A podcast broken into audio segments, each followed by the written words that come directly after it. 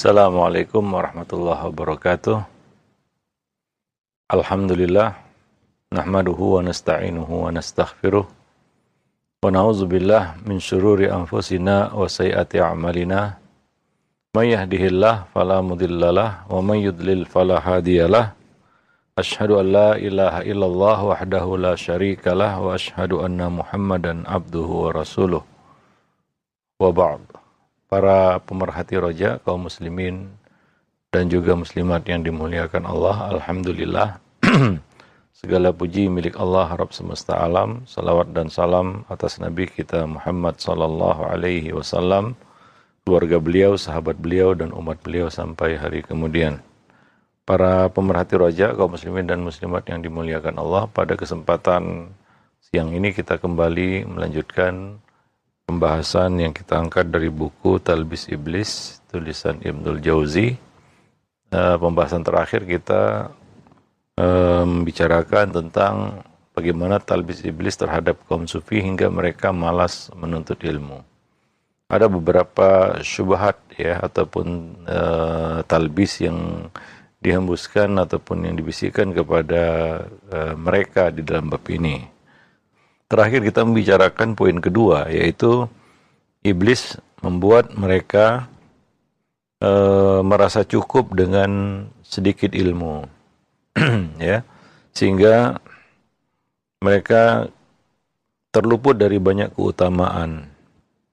Ya karena minimnya ilmu. Uh, ini merupakan salah satu penyakit penuntut ilmu yaitu cepat merasa puas dan merasa sudah bisa merangkum semua ilmu ataupun bisa uh, meraup semua ilmu padahal Allah Allah mengatakan Wa utitu minal ilmi illa qalila. Tidaklah kamu diberi ilmu itu selain sedikit. Dan kita yang kita ketahui juga masih sedikit. Artinya kita tidak boleh berpuas dengan sedikit ilmu. Oleh karena itu menuntut ilmu itu adalah pekerjaan tugas yang tidak ada selesainya. Ya, karena kita menuntut ilmu sepanjang hayat kita, sepanjang masa, sepanjang hidup, itu pun tidak akan menuntaskan ilmu tersebut. Artinya masih banyak hal-hal yang terluput. Apalagi kita memang tidak mau menuntutnya atau kita membatasinya. Ya. Nah, silakan batasi diri dari dunia, tapi jangan batasi diri dari ilmu. Ya, silakan batasi diri dari materi, harta benda, tapi jangan batasi diri dengan ilmu. Jangan batasi ilmu. Karena Allah Subhanahu wa taala akan memberikan ilmu kepada siapa yang dikehendakinya menurut apa yang dikehendakinya. Ya. Maka kadang-kadang Allah memberikan ilmu sesuatu ilmu yang ya kita katakan di luar ya perhitungan dan perkiraan manusia. Ya, maka dari itu eh, mutu seorang muslim adalah belajar dan terus belajar.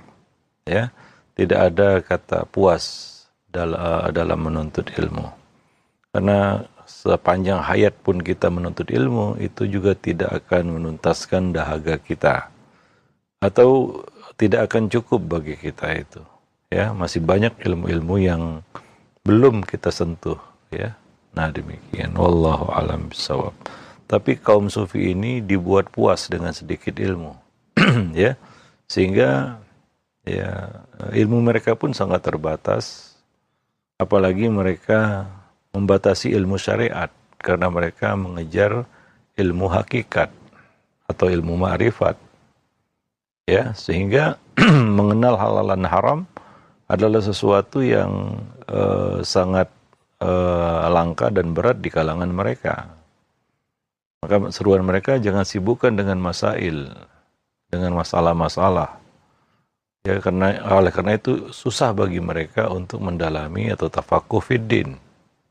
Ya, lalu mereka menuding bahwa ilmu syariat itu adalah ilmu kulit, ya, masih kulit ya, belum masuk kepada inti. Ya, wallahu alam bisawab. Nah, berikutnya talbis iblis ketiga atau syubhat berikutnya yang dihembuskan iblis kepada mereka dalam bab ini adalah iblis menjadikan kelompok sufi ini mereka mengira bahwa inti ilmu adalah amal. Ya. Namun mereka tidak sadar bahwa sibuk mempelajari ilmu serta mengamalkan ilmu itu termasuk amalan yang paling sempurna. Ya. E, di sisi lain ya Meski perjalanan amal seorang alim singkat, namun dia berada di jalan yang lurus. Ya. Mungkin kita menuntut ilmu dalam waktu yang panjang, tetapi beramal mungkin waktunya singkat. Namun amal yang singkat ini dengan ilmu yang benar itu jauh lebih baik daripada amal yang panjang tapi dengan sedikit ilmu. ya tapi dengan sedikit ilmu. Yang terbaik ya tentunya banyaknya ilmu dan banyaknya amal. Ya, banyaknya ilmu dan banyaknya amal. Itu yang paling sempurna. Akan tetapi ya cukup eh, lebih baik juga ya seorang itu ya walaupun sedikit amalnya tapi banyak ilmunya. Artinya semua amalnya itu dilandasi dengan ilmu ini lebih selamat, ya lebih baik, lebih lurus, ya. Karena dia berada di jalan yang tepat, di jalan yang benar dengan ilmunya, ya. Sehingga tidak ada amal walaupun sedikit yang tersia-siakan karena didasari ilmu. Sehingga amal itu walaupun sedikit tidak ada yang tersia-siakan, ya, tidak ada amal yang mubazir istilahnya. Yang paling bagus tadi yang pertama, ya banyaknya ilmu dan banyaknya amal. ya sempurna ilmunya, sempurna juga amalnya. Ya, namun kadang-kadang ada orang yang ya sempurna ilmunya tapi mungkin kesempatan beramalnya tidak banyak. Tapi itu jauh lebih baik ya. Berbeda dengan ahli ibadah yang minim atau tanpa ilmu tapi banyak amalnya, banyak ibadahnya. Ya, amalnya banyak tapi ilmunya sedikit. Ya, boleh jadi dia mengamalkan ya eh, ibadah-ibadah itu tanpa ilmu. Artinya dia berada di luar jalan yang lurus. Karena ketidaktahuannya, karena minimnya ilmu, sehingga mungkin banyak amal-amalnya yang tidak sejalan dengan ilmu. Ya, misalnya tidak sejalan dengan sunnah misalnya. Ya, sehingga banyak amalnya itu tidak efektif. Karena banyak yang tersia-siakan. Karena tidak didasari ilmu. Ya, begitulah pentingnya ilmu ya. Maka kaidah kita adalah al-ilmu qoblal qawli wal amal. Berilmu dulu sebelum berbicara dan berbuat. Ya, orang yang selamat adalah orang yang beramal yang didasari ilmu, bukan sekedar beramal. Oleh karena itu Allah mengatakan di dalam Al-Qur'an, "Alladzi khalaqal mauta wal hayata liyabluwakum ayyukum ahsanu amala." Dialah yang telah menciptakan kematian dan kehidupan untuk menguji kamu, siapakah di antara kamu yang paling bagus amalnya? Bagus amalnya, bukan banyak amalnya. Ya, karena ada orang yang banyak amalnya, tapi amalnya itu sia-sia. Karena dilakukan tanpa ilmu. Maka Allah mengatakan yang bagus amalnya, ahsanu amala, yang bagus amalnya. Kenapa amalnya menjadi bagus? Karena didasari ilmu. Ya, hingga dia betul-betul melakukannya dengan sebaik-baiknya sesuai dengan koridor ilmu, bukan asal-asalan. Itu jauh lebih baik ya. Nah demikian. Wallahu alam bisawab. Jadi ini syubhat kaum sufi ya atau orang-orang yang berjalan di atas manhaj mereka yaitu mereka mengatakan tujuannya kan amal bukan ilmu. Maka mereka direct direct ya langsung amal tanpa ilmu. Nah ini tentunya uh, boleh jadi yang dia lakukan itu bukan amal ya, atau ya, bukan ibadah. Ya, justru bid'ah. Kenapa? Tanpa il, ilmu. Dan semua bid'ah itu tertolak, ya. Eh, man amila amalan laisa alaihi amruna fahuwa rad. Maka pentingnya kita berilmu sebelum beramal. Ya. Wah, kita habis masanya menuntut ilmu. Karena menuntut ilmu itu perlu masa yang panjang waktu beramal sedikit atau sebentar atau singkat, ya nggak apa-apa juga. Ya asalkan amal yang dalam waktu singkat itu dilakukan dengan sebaik-baiknya. Sesuai dengan koridor ilmu, sesuai dengan kaidah-kaidah ilmiah. Sehingga sejalan dengan apa yang Allah inginkan, itu jauh lebih baik. Ya, daripada orang yang panjang masa amalnya tapi nggak mau menuntut ilmu alias jahil sehingga amalnya banyak bertabrakan dengan uh, syariat ya dengan agama. Wallahu alam bisawab. Maka alasan seperti itu tidak bisa diterima ya bahwa yang menjadi tujuan kan amal bukan ilmu. Ya bagaimana bisa beramal tanpa il ilmu? Ya bagaimana bisa benar amalnya tanpa didukung ilmu? Ya, maka ya dan juga ya menuntut ilmu itu sendiri merupakan ibadah, amal. Salah satu amal yang terbaik adalah tolabul ilmi, menuntut ilmu, tafakuh fiddin. Bahkan itu adalah tanda kebaikan yang Allah berikan kepada seseorang. Nabi mengatakan, "Mayyuridillahu bihi khairan yufaqihu fiddin." Barang siapa yang Allah kehendaki baik, maka Allah akan beri dia fiqh fiddin, pemahaman di dalam agama. Nah demikian. Ya, ya wajar saja iblis memompa semangat mereka untuk beramal. Ya tidak memompa semangat mereka untuk menuntut ilmu. Karena iblis, setan juga tahu biarkan hamba ini beramal tapi tanpa ilmu. Ya, pada akhirnya amal-amalnya adalah amal-amal yang mungkin bertentangan dengan syariat itu sendiri. Alias amal bid'ah.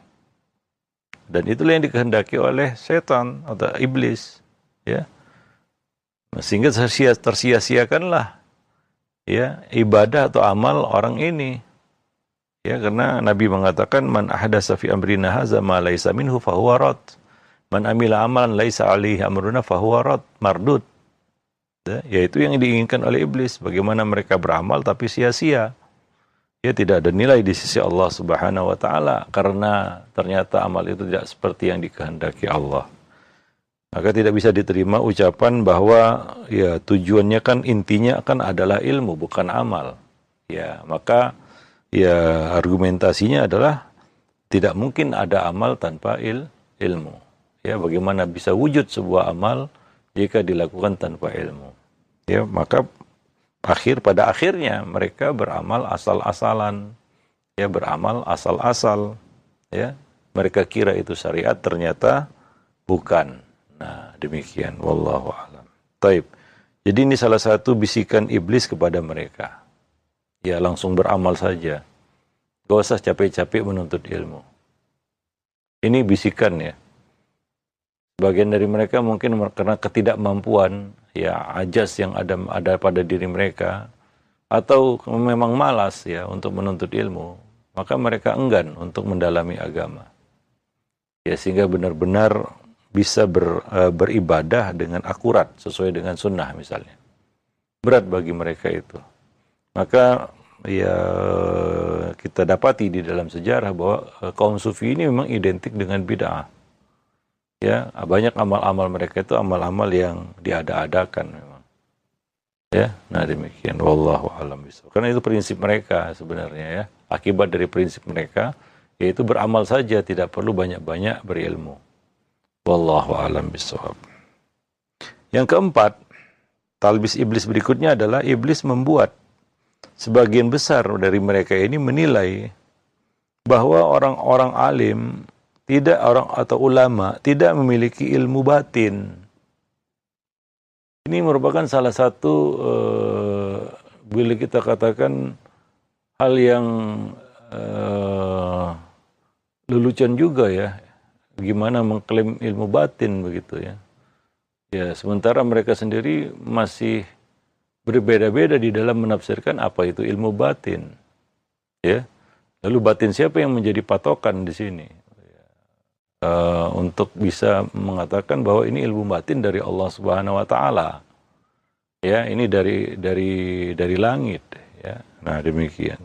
Sebagian sebagian mereka ya, ya menilai bahwa kalau kita belajar yang formal ya seperti yang dijalani oleh para ulama pada umumnya itu hanyalah ilmu-ilmu kulit ilmu zahir ya bagi mereka itu tidak susah bagi mereka ya. Tapi ya kata mereka tidak susah juga mereka tidak menuntut ilmu itu.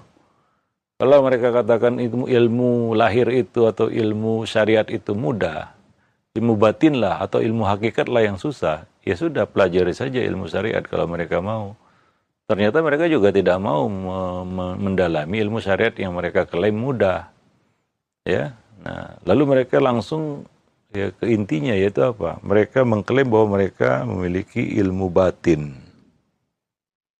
Ini menjadi semuanya menjadi kabur ya, nggak jelas ilmu batin. Ya tentu saja Nabi mengajarkan hal-hal yang konkret kepada umat manusia, bukan hal-hal yang batin gitu ya, nggak nampak ya eh, atau eh, kita katakan tidak jelas tuntunan tuntunannya dari mana itu ilmu batin.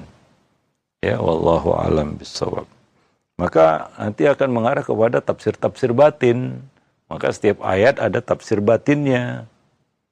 Ya, nah dan semua itu mengacu kepada sesuatu yang tidak ada dasarnya dalam agama. Ya, bukan dari nabi juga dan juga bukan dari para sahabat. Ya, maka kita katakan tadi, ini batin siapa yang menjadi ukuran kalau seperti ini, ya? Tapi begitulah ya, sebagian orang mungkin mereka mengejar eksistensi ya atau ya kedudukan ya.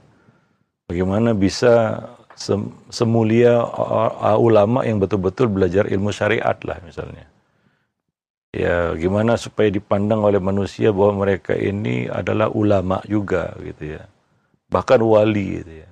Bahkan ya di atas wali kalau bisa. Karena mereka punya ilmu batin ilmu yang tidak dimiliki oleh para ulama pada umumnya. Yang belajar ilmu syariat. Ya wallahu alam bisawab. Nah ya eh, di antara mereka yang berandai-andai ya, mendapatkan bisikan lalu mengklaim hatiku bercerita kepadaku dari Robku. Nah ini. Ya haddasani qalbi an robbi itu. Kata-kata yang sering mereka lambangkan sebagai ilmu batin atau dalam istilah lain ilmu laduni. Ya, salah satu kisah yang sering mereka angkat adalah kisah Nabi Khadir ya, atau Nabi Khidir yang mereka klaim punya ilmu batin. Ya, kita sepakat ya, para ulama sepakat bahwa Khidir itu nabi bukan wali. Itu pendapat yang paling kuat ya, yang paling banyak mayoritas dan paling terpilih, paling rojih bahwa uh, Khidir itu adalah seorang nabi yang ada juga pada masa Nabi Musa. Karena pada masa itu ada beberapa nabi yang diutus secara bersamaan dan itu pernah terjadi juga. Jadi Khidir itu menerima wahyu dari Allah Subhanahu wa taala. Beliau mengatakan di dalam surat Al-Kahfi itu, "Wa ma fa'altu amri." Dan tidaklah aku melakukan urusanku ini melainkan atas wahyu dari Allah Subhanahu wa taala. Ya. Nah demikian. Uh, jadi bukan wali yang um, apa namanya ya kita katakan mengandalkan uh, intuisi batinnya. Enggak. Ya, beliau melakukan semua itu atas dasar perintah dari Allah Subhanahu wa taala. Misalnya melobangi perahu hingga tenggelam membunuh seorang bocah ya kemudian mendirikan bangunan di kampung yang mereka justru ditolak di situ. Ya. Nah Nabi Khadir melakukan itu atas perintah dari Allah Subhanahu wa taala. Jadi beliau menerima wahyu. Nah, maka beliau adalah seorang nabi. Ya. Maka sebutannya pun Nabi Khadir atau Nabi Khidir. Ya. Nah e, mereka berpendapat bahwa Khadir itu bukan nabi. Ya Khadir itu adalah wali yang dapat wahyu dari Allah Subhanahu wa taala. Yaitu dapat ilham dari Allah Subhanahu wa taala. Ya wallahu alam bisawab. Nah, demikian ya, tapi yang rajih adalah Nabi Khadir itu adalah seorang nabi yang mendapatkan wahyu dari Allah Subhanahu wa taala diutus pada masa Nabi Musa. Ya kepada kaum tertentu. Ya, nah demikian. Wallahu alam bisawab. Jadi kata-kata yang sering mereka ucapkan adalah haddasani qalbi an rabbi. Telah menceritakan hatiku kepadaku dari Robku, dari Allah Subhanahu wa taala. Ya ini tentunya klaim yang uh, tidak berdasar ya. Ya, tidak berdasar bahwasanya dia dapat bisikan langsung riwayat langsung dari Allah Subhanahu wa taala. Ya, kalau demikian adanya maka ini definisinya nabi ya, menerima menerima wahyu dari Allah Subhanahu wa taala ya yang tidak ada pada manusia untuk disampaikan kepada manusia. Ya, nah demikian. Wallahu alam bisawab. Asyibli mengatakan ya, ini salah satu tokoh mereka, dinisbatkan ini kepada Asyibli, dia mengatakan, apabila mereka, yaitu ahli syariat, ulama-ulama syariat, menuntut diriku dengan ilmu warak, ilmu kertas. Kata mereka belajar dengan buku itu ilmu kertas. Itu ilmu syariat. Ya. Maka akan aku tentang hadapi mereka dengan ilmu khirak, yaitu ilmu ya, khirak itu uh, sobekan-sobekan kain. Artinya uh, ini mengacu kepada bentuk pakaian yang mereka kenakan, yaitu pakaian yang bertambal, ya, pakaian orang zuhud lah kita katakan ya. Ya dalam anggapan mereka itulah dia uh, uh, pakaian zuhud yang bertambal ya dan demikian. Maka mereka istilahkan dengan ilmu khirak. Jadi ilmu batin maksudnya. Ya, jadi, jadi maksud perkataan ini adalah kalau ulama uh, syariat itu ya berdebat denganku dengan menggunakan ilmu warok yaitu ilmu uh, yang mereka dapatkan dari belajar dari buku-buku ya dari guru-guru maka aku akan hadapi mereka dengan ilmu khirak, yaitu ilmu batin. Nah, demikian. Wallahu alam bisawab. Dan mereka juga menyebut bahwa ilmu syariat itu adalah ilmu zahir. Dan bisikan-bisikan jiwa adalah ilmu batin. Ya. Ah, jadi lintasan-lintasan hati, bisikan-bisikan jiwa itulah dia pada dasarnya ilmu batin. Ya. Nah, uh, pandangan ini mereka sandarkan pada riwayat Ali bin Abi Thalib. Ya. Ini riwayat ini tidak sahih ya.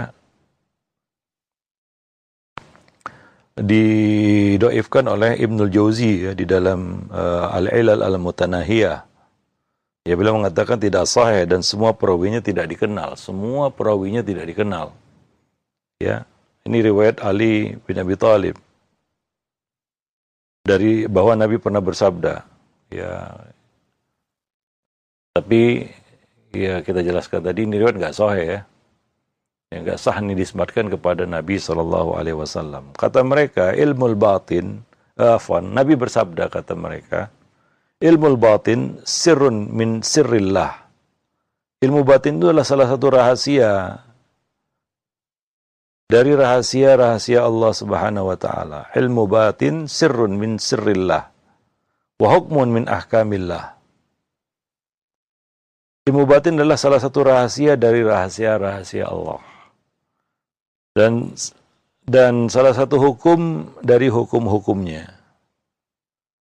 Yakdhifuhu Allah wa azza wa jalla fi qulubi man yasha'u min awliyaihi yang Allah hujamkan ke dalam hati siapa saja yang Allah kehendaki di antara wali-walinya. Ya, jadi mereka mengklaim ada ilmu batin yang Allah berikan kepada ulama-ulama tertentu. Ya, nah Ibnu Jauzi mengatakan hadis ini sama sekali bukan berasal atau bersumber dari Nabi. Dan pada sanadnya terdapat perawi-perawi yang tidak dikenali. Bahkan tadi kita sebutkan Ibnu Jauzi mengatakan di dalam kitabnya yang lain yaitu Al-Ilal Mutanahiyah bahwa ini tidak sahih dan perawinya semuanya tidak dikenal. Semua perawinya tidak dikenal alias majhul. Ya, nah demikian. Jadi tidak bisa diterima menjadi hujah. Ya, bahwa ada ilmu batin di samping ilmu uh, ilmu zahir.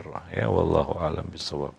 Diriwayatkan dari Abu Musa ia mengatakan di wilayah di wilayah Abu Zaid terdapat seorang fakih ya. Sosok ulama di kalangan di kawasan tersebut lah ahli ilmu dia. Ulama ini kemudian mendatangi Abu Yazid dan berkata aku mendengar banyak hal-hal yang aneh tentang dirimu. Maka Abu Yazid menjawab keanehan-keanehanku yang belum kamu ketahui lebih banyak lagi. Ya uh, ya ini maksudnya adalah ya ilmu batin ya yang tidak diketahui oleh ulama-ulama pada umumnya. Ya, nah demikian. Jadi Abu Musa ya eh, ketika dia uh, ini dia ber, bercerita ya tentang Abu Yazid yang uh, uh, ada di kawasannya atau di tempatnya seorang yang dianggap ulama gitu ya, sosok fakih begitu.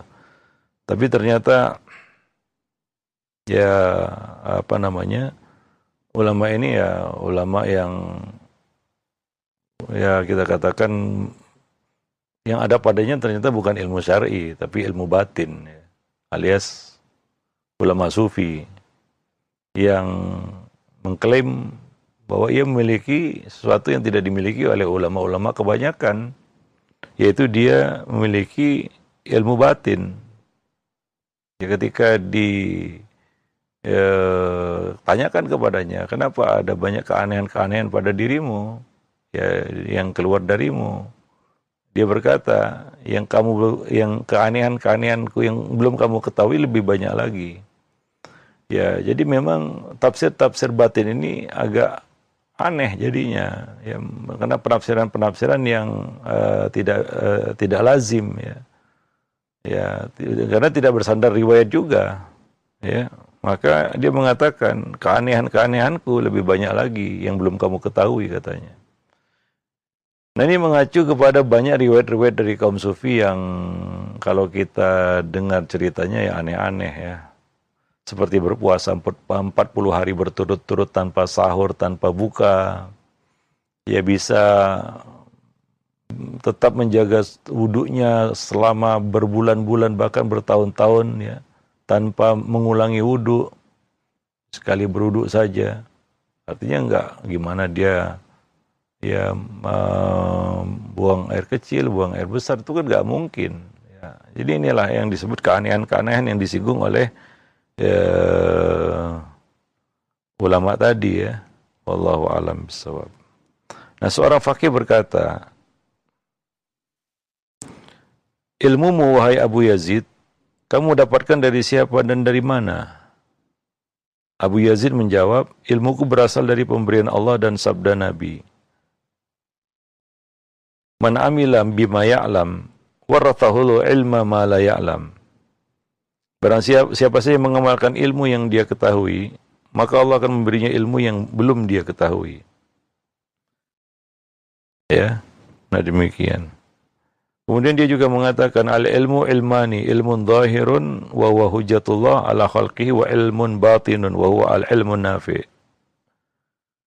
Ilmu ada dua jenis katanya. Ilmu zahir itu adalah hujah Allah atas makhluknya dan ilmu batin itu adalah ilmu yang bermanfaat. Ya, nah demikian. Jadi ya, klaim ilmu batin ini yang yang membuat mereka malas menuntut ilmu syariat. Ya. Malas menuntut ilmu syariat. Kenapa? Karena ada ilmu yang lebih tinggi daripada ilmu syariat atau ilmu zahir ya ilmu yang tekstual harus pakai buku membaca dia yang ada tertulis di buku harus ada riwayat dan bersandar kepada apa yang ada dalam riwayat beda dengan ilmu batin ya nggak perlu pakai buku nggak perlu pakai riwayat. Ya cukup kata hati saja hadasani rob qalbi an robbi. Telah bercerita kepadaku hatiku dari Robku. Oh, gitu. Ya wallahu alam bisawab nah demikian. Jadi ini merupakan syubhat yang membuat mereka malas menuntut ilmu syariat.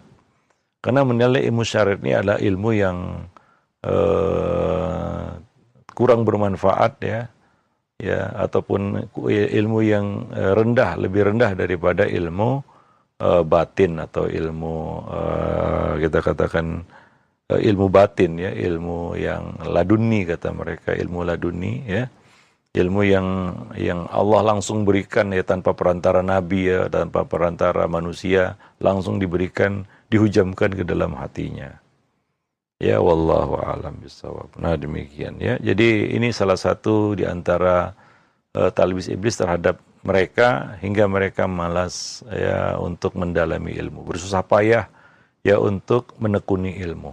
Ya memang menekuni ilmu itu tafakufiddin itu berat. Membutuhkan waktu yang panjang, kesabaran, ketelatenan, kedisiplinan, ya kesungguhan, ya, ya dan uh, eksisten, uh, konsistensi ya, dalam mempelajari ilmu syariat ini. Ya, sehingga barulah orang itu memiliki al-fiqhu fiddin, pemahaman yang benar dalam di dalam agamanya. Dan itu berat. Ya, dan mereka ingin jalur singkat, instan. Ya, langsung jadi ulama dengan punya ilmu batin, nggak perlu punya ilmu zahir. Karena itu ulama syariat dan mereka ulama batin. Ya, jadi tidak perlu pakai buku belajarnya atau tidak perlu eh, pakai guru juga. Ya, cukup dengan melakukan ritual dan ilmu laduni pun sampai kepada mereka. Nah, begitulah cara iblis membuat mereka akhirnya ya tidak menuntut ilmu sama sekali atau bahkan mungkin membatasi ilmu itu. Ya, wallahu alam bisawab. Nah, demikianlah ya uh, poin ini mudah-mudahan uh, bisa kita pahami dengan benar dan hati-hati terhadap talbis iblis ya. Sebenarnya bukan hanya terhadap kaum sufi ya, terhadap siapa pun ya, kalangan manusia ya bisa saja terkena syubhat-syubhat seperti ini sehingga mereka satu cukup dengan sedikit ilmu. Yang kedua, ya bahwa di sana ada ilmu yang lebih mulia, lebih utama, lebih tinggi ya daripada ilmu syariat. Ya, nah daripada ilmu syariat. Ya wallahu alam. Taib demikian saja subhanakallah bihamdik asyhadu an la ilaha illa anta astaghfiruka wa atubu ilaik. Wassalamualaikum warahmatullahi wabarakatuh.